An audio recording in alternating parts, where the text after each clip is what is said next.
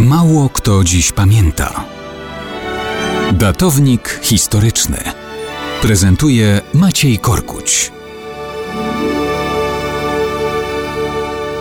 Mało kto dziś pamięta, że 5 grudnia 1867 roku w Zułowie na Wileńszczyźnie urodził się Józef Piłsudski. Mały Józef spędził tam pierwsze 7 lat życia. To był czas dzieciństwa wygodnego, bo matka Maria Zbilewiczów wniosła do rodziny Piłsudskich spory majątek, w sumie ponad 8 tysięcy hektarów. Była więc i służba, i prywatne nauczycielki, w tym francuska i Niemka. Było dużo spokoju aż do czasu katastrofy.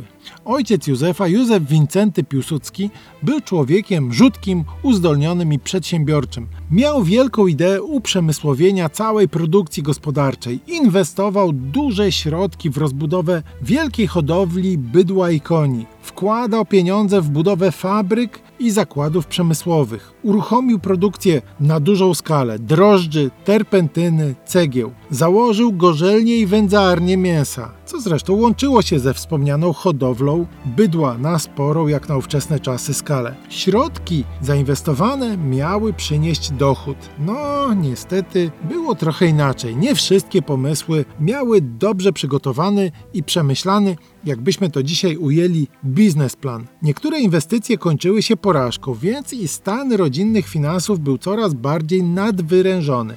Ale kto wie, może wreszcie Józef Wincenty zacząłby wychodzić na prostą, aby nastały lata tłuste po tych chudszych. No, wszystko tak by było, gdyby nie wspomniana katastrofa. Oto pod nieobecność małżeństwa Piłsudskich latem 1874 roku, kiedy sprowadzano nowe elementy maszyn, w Zułowie wybuchł gigantyczny pożar. Ogień strawił dosłownie wszystko: dworek, zabudowania gospodarcze, stajnie, fabryki no dosłownie wszystko. To był koniec. Zułów trzeba było opuścić.